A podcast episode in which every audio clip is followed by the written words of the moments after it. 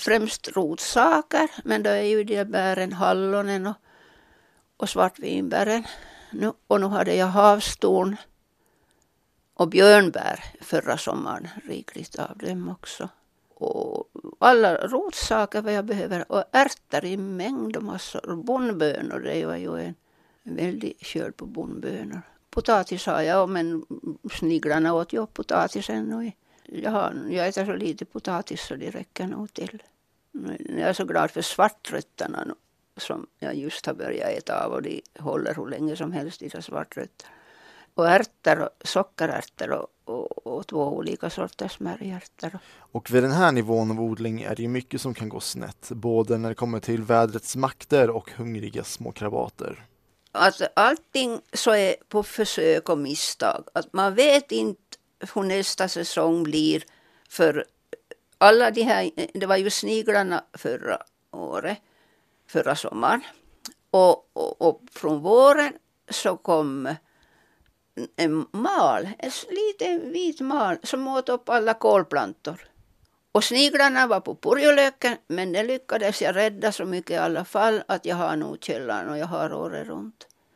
Så att, att det, men jag äter ganska ensidigt med allt det där därför att jag köper inte. Nu har jag köpt gurka igår och så köpte jag någon paprika.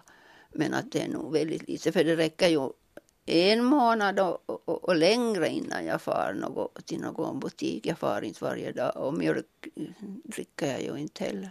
Så att det är bara att, och så jag tycker att den här vintern har jag haft bästa vad jag någon gång har haft för att det har varit så noga planering att jag, att jag faktiskt kan ha det.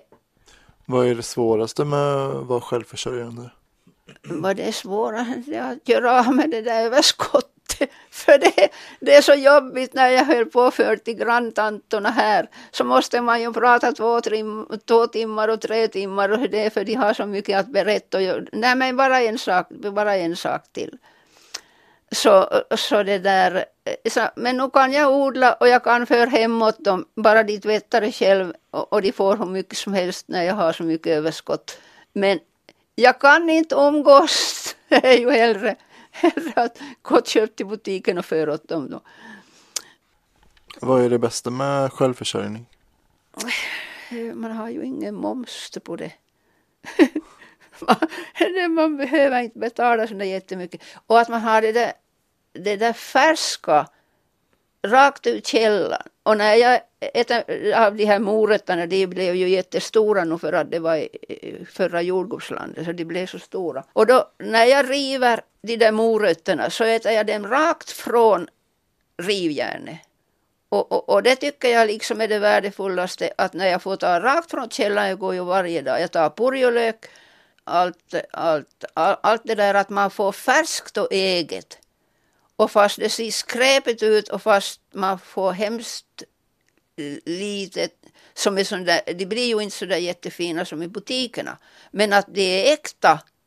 Eh, det är så äkta som man kan få maten och så kan man äta rå för att jag går ju riktigt nu, nu kommer nässlorna så nu är jag inte orolig för järnet. Men att bara nässlorna kommer nu så är det det första. Och så går jag och plockar, liksom påsar, alltid någon påse i fickan så plockar jag alla, alla sorts grönsaker som går att äta.